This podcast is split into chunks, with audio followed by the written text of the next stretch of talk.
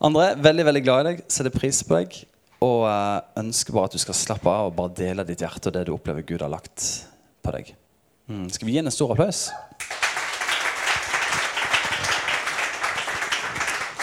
Tusen hjertelig takk. Det var jo en nydelig introduksjon. Veldig glad for å være her. Jeg er jo veldig eh, glad for eh, for Kristoffer. Bare før jeg snakker om meg sjøl, så har jeg bare lyst til å si mitt første møte med Kristoffer. Jeg, jeg, tror iallfall det var det første.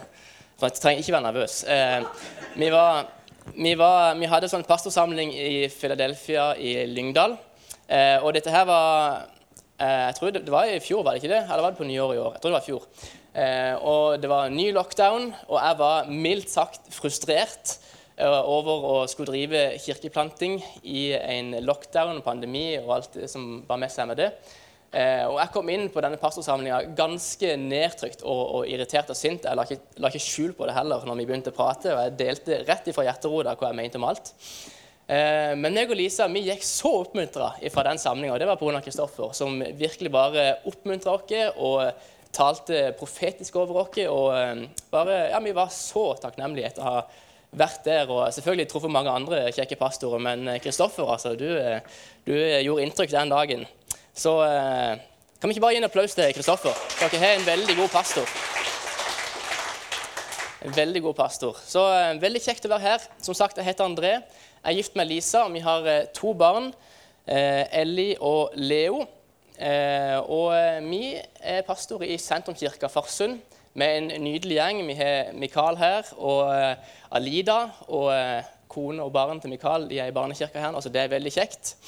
Eh, og Det er spennende å drive kirkeplanting. Og Nå har vi kommet ut av pandemien, så nå, hvis, hvis, vi klarer det, så klarer vi alt. Og Jeg er veldig glad for å kunne preke her i dag. Jeg skal som sagt avslutte serien om relasjoner. Jeg har forstått at vi er siste søndagen her, stemmer ikke det, før dere skal inn i bedehuset. Det er jo veldig kjekt. I tillegg til å være pastor så jobber jeg også som fotograf. Og jeg tok bilde dette her bygget når det skulle selges, før dere kjøpte det. Så det er litt kjekt at jeg har vært her, vært her før. Eh, og når Kristoffer fortalte at eh, han ville jeg skulle, skulle, snakke om relasjoner og det å underordne seg, så ble jeg jo mildt sagt eh, stressa. Den første gang jeg besøker menighet, skal jeg snakke om underordnelse. Jeg kunne like godt prate om abort eller homofili. eller et. Så jeg tenker bare Kristoffer, denne her skal jeg huske til når du kommer til oss i mai. Det blir god stemning. Du skal få et godt tema. Nei da. Men det er viktig å snakke om det å underordne seg. For det er egentlig ingen som snakker om det lenger i 2022. Vi snakker gjerne i kirkene om etterfølgelse og gå all in og, og, liksom, og være, være helhjerta, men kanskje ikke så tydelig om underordnelse. Eh, og bare ordet underordnelse får eh, de sekulære nakkehårene mine til å reise seg litt. Det er litt stress når vi snakker om det å underordne seg. Og, og vi som eh, vestlige, individualistiske personer vi er ikke så glad i å bli fortalt hva vi skal gjøre, eller liksom følelsen av at vi skal, vi skal, vi skal oppføre oss på en spesiell måte. Eh, og så tenkte jeg bare på Når, når, når Moses eh, leda utvandringa fra Egypt, så kalte Gud israelsfolket for et stivnakka folk. Eh, og Ting har ikke endra seg så fryktelig mye. Vi syns ofte det er vanskelig å bøye seg for folk sine ønsker eller å måtte oppføre oss annerledes enn det vi er vant til. Eh, og vi vil ikke at noen skal fortelle oss hva vi skal gjøre. Vi ønsker helst å gjøre det på vår egen måte. Men jeg er her i dag for å fortelle dere at det å underordne seg, det er vakkert. Det er en tillitserklæring. Og det å underordne seg det handler ikke om å la seg undertrykke. Det handler ikke om å slutte å tenke sjøl. Det handler heller ikke om å slutte å følge drømmene som Gud legger på ditt hjerte. Og Jeg er så takknemlig for eh, veldig mange gode folk som jeg har hatt i min oppvekst og også inn i voksen alder, som jeg har fått lov til å underordne meg som jeg har fått lov til å bli leder av. Som jeg har kunnet stole på, og til og med blitt irettesatt av. Og det syns jeg er helt nydelig.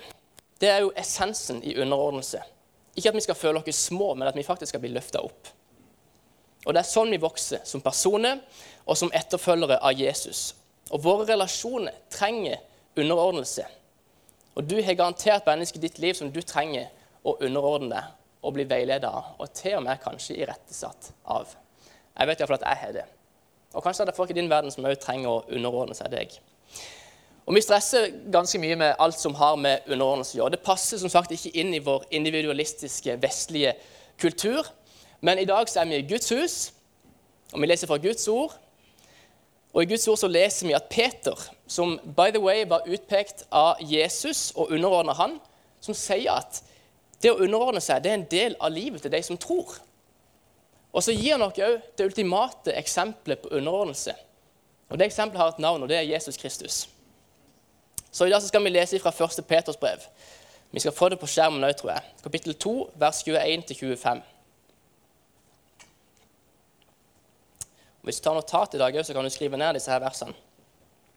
1. Peters brev 2, 21-25. Dere var lik sauer som hadde gått seg vill, men nå har dere vendt om til ham som er hyrde og tilsynsmann for deres sjeler. På sin egen kropp bar han våre synder opp på treet, så vi skulle dø bort fra syndene og leve for rettferdigheten. Ved hans sår ble dere helbredet. Han svarte ikke med hån når han ble hånt. Han truet ikke når han led, men overlot sin sak til ham som dømmer rettferdig. Han gjorde ingen synd, og det fantes ikke svik i hans munn. Det var jo dette dere ble kalt til, for Kristus led for dere og etterlot dere et eksempel for at dere skulle følge i hans spor. Og Litt tidligere i kapittel 2 og i begynnelsen av kapittel 3 så snakker Peter om relasjonene som vi har i livet vårt. Og i de alle så oppfordrer han oss faktisk talt til å underordne oss. Han snakker om i forhold til, til regjering og styresmakter, så sier han underordne dere enhver myndighet blant menneskene. Han snakker til og med om, om slave og herre, eller kanskje i dag som ansatt og sjef. Han sier til, til ansatte underordne deg dine ledere. Og Til og med i ekteskapet så er han tydelig. Han sier på samme måte skal dere kvinner underordne dere mennene deres. Og dere gifte menn skal være gode ektemenn. Vis konene deres respekt, og lev sammen med dem med forstand. Til slutt så nevner han relasjonene innad i menigheten. Han sier vær samstemte, ha medlidenhet med hverandre, vis søskenkjærlighet og vær varme og omsorgsfulle. Vær vennlige mot hverandre, så dere ikke gjengjelder ondt med ondt eller håner tilbake dersom noen snakker nedsettende til dere. Velsign heller. Dere vet jo at dere ble kalt til å velsigne andre for at dere selv skal få Guds velsignelse. Peter oppfordrer dere til å underordne dere. Men hvorfor gjør han det? For midt i disse her versene om relasjoner så snakker Peter om, om Jesus. Han forteller dere at Jesus er det ultimate eksempelet på underordnelse. Og vi skal følge det eksempelet som Jesus har satt. Så I dag skal jeg snakke om fire ting. Jeg skal snakke om viktigheten av underordnelse. Jeg skal snakke om veien til underordnelse og personen vi først og fremst underordner oss, og meninga med underordnelse. Og Dette handler om relasjoner, og vi skal fokusere på den viktigste relasjonen av de alle. Og det er relasjonen til Jesus. Så skal vi se hvordan det får lov til å påvirke resten av relasjonene vi har i livet vårt. Amen. Hvis du tar notatet, så kan du skrive viktigheten av underordnelse. Vi la oss i stad i 1. Peter 2,25, der Peter snakker om at vi er kalt til å underordne oss. Og så kan vi òg lese i Matteus kapittel 8, 18-22. Har vi det på skjerm, forresten? Det er jeg litt usikker på. Eh, men uansett, det kommer kom en, en skriftlærd og en disippel til Jesus og ønsker å følge han. Og Jesus sier ikke til dem bare kom, heng dere på. Jo flere, jo bedre. Det blir god stemning. Nå skal vi kose oss. Men Jesus svarer noen sånn kryptiske, merkelige greier. Han sier revene har hi, og himmelens rede, fugler har rede. Men menneskesønnen har ikke noe han kan hvile hodet på. Det som Jesus egentlig sier, er at disse her to karene må ta en seriøs vurdering av det å følge Jesus. Kostnaden av å følge Jesus. Han sier egentlig nesten er du sikker på at du vil dette her. Han sier egentlig at de må underordne seg han, sånn som han har underordnet seg Faderen. Og Hvis vi er seriøse med å følge Jesus, så må vi underordne oss Jesus, og ikke fortsette å gå våre egne veier. Og Dette her er liksom den delen av, av, av, forkynnelsen som ikke får så mye oppmerksomhet kanskje i vår eh, moderne tradisjoner. Men jeg har lyst til å quote en fyr som ikke lever lenger, men som har skrevet en utrolig bra bok. Og Det er Dietrich Bonhoffer. Bonhoeffer. Og Han begynner boka si som heter 'The Cost of Discipleship', med disse her ordene her. Billig nåde er den dødelige fienden til vår kirke. Vi kjemper i dag for kostbar nåde, fritt oversatt. Og Bonhoeffer han, eh, han skrev disse her ordene på 1930-tallet, og de stemmer fortsatt i dag. Peter sier at hvis vi kaller oss kristne, så er vi kalt til å underordne oss. Og hvis vi tror at vi kan se Jesus 'Jeg vil følge deg', men ikke underordna hans herredømme, så prøver vi egentlig å kjøpe Guds nåde på billigsalg. Og til syvende og sist så ender vi opp med en billig kopi som verken, sann, som verken er sann, eller som gir frelse. Jeg vet ikke hvordan dere har det her i Flekkefjord på sommeren, men hver sommer så, eh, hjemme i Farsund så feirer vi eh, eh det som heter Kaperdagene. Kanskje noen har vært på det før? Men det er basically en, en stor feiring over at vi en, dag, eh, en, gang i tida var en stor piratlandsby. Det er jo god stemning. Um, og I min oppvekst så, eh, så var det liksom et av årets høydepunkter. Det var å gå ned i gatene, for det var sånne boder som sto nedover, der du kunne kjøpe fisespray og, og, og kinaputter. Det det var livets høydepunkt, altså. Men jeg husker spesielt en gang så skulle jeg kjøpe ei sånn kul, rød, feit Ferrari-jakke med sånn Ferrari-logo bakpå. Og jeg, jeg, følte meg som verdens kuleste, men den jakka den varte i to måneder, og han trakk jo som et hus med knuste vinduer. Det var bare en kjip kopi. Folkens, når Bonhoeffer sier at kirken, kirka sin største fiende er billig nåde, så snakker han om at vi mennesker vi vil ha kongeriket, men vi forkaster kongen sjøl. Vi vil ha alt det som Jesus lover oss, men vi vil ikke omvende oss fra vår synd og erkjenne at vi er ikke gode nok. Og faktisk bare stole 100% på han og underordne oss han som er gode nok.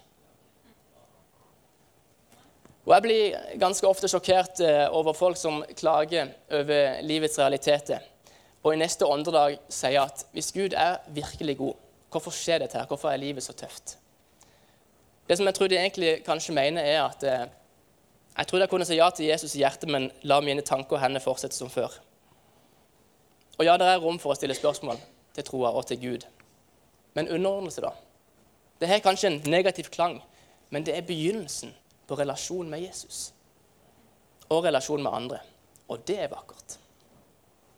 Så punkt nummer én viktigheten av underordnelse leser vi i 1. Peter 2,25. Gå hjem og les det. Det andre vi skal se på, det er veien til underordnelse. Så det er jo spørsmålet hvordan lever vi liv underordna andre mennesker og underordna Gud? Peter han bruker stadig Jesus som eksempel. For ifølge Peter så handler ikke underordnelse om å gjengjelde eh, typisk urett som ble påført. Det, og det handler heller ikke om at, om at, alt skal føles rettferdig. Og Når vi leser Det gamle testamentet, så kan vi jo se egentlig gang på gang at de lever i en kultur som sier øye for øye, tann for tann. Du skal få som fortjent. Og Jesus han adresserer denne kulturen så utrolig bra. Han sier akkurat dette. Han sier Matteus 5, 38-42. Det tror jeg vi har på skjerm. Der står det Dere har hørt det er sagt. Øye for øye og tann for tann. Men jeg sier dere, sett dere ikke til motverge mot dem som gjør ondt mot dere. Om noen slår deg på høyre kinn, så vend også det andre til. Vil noen saksøke deg og ta skjorten din, så la ham få kappen også. Om noen tvinger deg til å følge med ei mil, så gå to med han. Gi til den som ber deg, og vend ikke ryggen til den som vil låne av deg. Jesus han sier disse her, jeg vil si ganske kraftfulle ordene. Og For mange var dette her helt sprøtt å høre Jesus si, for det var stikk i strid med kulturen på tida. Men Jesus han viste folket at dette her var ikke bare tomme ord. Når han helt til slutt bar korset i sin smerte ble håna, ble torturert, ydmyka og drept. Og hvorfor det, liksom? Pilatus sa jo at han var helt uten skyld. basically. Det var ingen feil hos Jesus. Og en mann som ikke hadde gjort noe galt, skulle lide en urettferdig død. Og samtidig så krevde han ikke rettferdighet. Han ropte ikke øye for øye, tann for tann. Men Paulus sier at han ydmyka seg helt til døden. Døden på korset. Og Jesus han han ber oss om å underordne oss. Og så eksemplifiserer han sin egen underordnelse til Gud når han gir livet sitt på korset. Og Jeg tenker bare stadig på, på Jesus i, i Getsemane. Han ber, han ber til sin far Gud. Han er, han er livredd, for han er, han, ja, han er 100 Gud, men han er jo 100% menneske. Og der, i Getsemane, så sier han, 'Far, la dette begeret gå meg forbi.' Men ikke som jeg vil, Gud, sånn som du vil. Og kanskje er det der veien til underordnelse begynner. At vi kan si ikke som jeg vil, Gud, men sånn som du vil. Amen. Tredje punkt jeg har lyst til å se på, det er personen som vi underordner oss. Vi, leser i, eller vi leser i 1. Peter 2, 23. Han svarte ikke med hånd når han ble hånt, han trua ikke når han led, men han overlot sin sak til ham som dømmer rettferdig. Og Hvis du er som meg, så opplever du av og til at livet det er litt urettferdig. Hvor mange her eh, har små barn? De fleste er kanskje i barnekirka nå. Det er, det er noen. Eh, hvor mange her er barn som sover lenger enn til 05.00? Det varierer. Det er ikke man på dagsformen.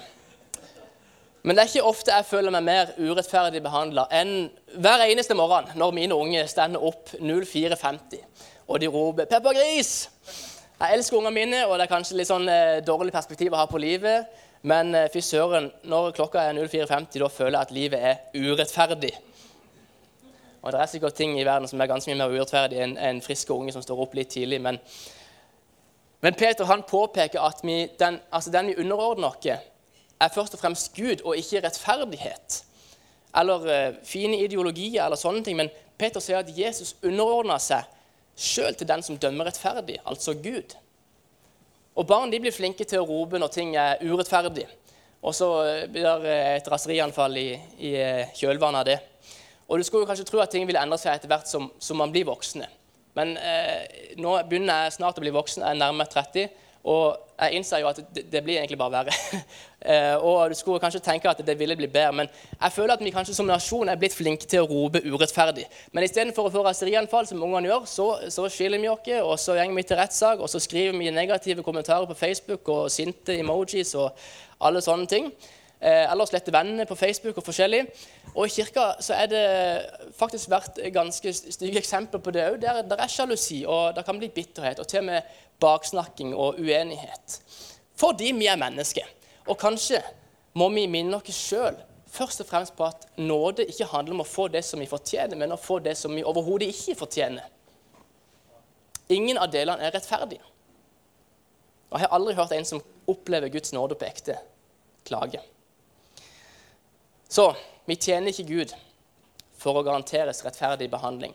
Og jeg er ikke kristen for å komme sammen og drikke kaffe og kose oss. Det er fint, det òg, men det er ikke det viktigste av det. Jeg følger Jesus fordi jeg innser at hans kjærlighet til meg er så stor at han døde for meg. Og uten hans ville jeg vært evig fortapt. Så neste gang vi følger på urettferdig behandling, så kan vi tenke på hvordan de behandla Jesus. Hvordan han døde urettferdig for våre synder. Og nå skal ikke vi si det her med dårlig samvittighet og for å ha følt på menneskelige følelser som, som, som rettferdighet eller urettferdighet. men det handler egentlig ikke om rettferdighet, det handler om takknemlighet. Rettferdighet det handler fort om oss sjøl, mens takknemlighet det kan egentlig peke på underordnelse. Så personen vi underordner oss, det er først og fremst Jesus Kristus. Og så kan det få lov til å påvirke resten av relasjonene våre. Siste punktet. Jeg håper dere henger med. Vi har ikke så gode stoler i vår kirke. Eh, så, så, nå knipser jeg litt, og så, så, så er vi med. Eh, Jesus han utholdt sin lidelse eh, for oss. Det var hans underordnelse. Eh, og Meninga med underordnelse som jeg skal snakke om nå Peter han, han ber oss om å følge Jesus sitt eksempel. Når vi underordner oss Gud, så kan Gud bruke vårt eksempel til å nå andre mennesker. Vi kan bare tenke på vårt eget vitnesbyrd, hvordan det ville vært hvis vi ikke krevde at uh, ting skulle bli sånn som vi ville hele tida, men vi bare levde i underordnelse til Gud. Så kan vi sammenligne det med det vitnet vi ville hatt hvis vi hele tida krevde vår rett. At alt skulle være sånn som jeg hadde lyst hele tida. Jeg syns det er utfordrende. Og Peter sier at med hans sår så blir vi helbreda. Så kan vi jo tenke hvordan er det på jobben? Hvordan er det i ekteskapet mitt? Hvordan er det i kirka vår? Hvordan vi trenger helbredelse? Og Peter han gjør det klokkeklart at helbredelse kommer ikke av å prøve å kontrollere situasjonen eller å stille krav til hvordan ting bør være, men at det heller Helbredelse er noe som kommer når vi underordner oss Gud og lar Hans ånd virke. Og når vi underordner oss Gud, så lar vi Hans ånd få full kontroll over våre liv. Og vi lar Han jobbe i og gjennom oss. Så vil vi òg se at Han gjør store ting rundt oss.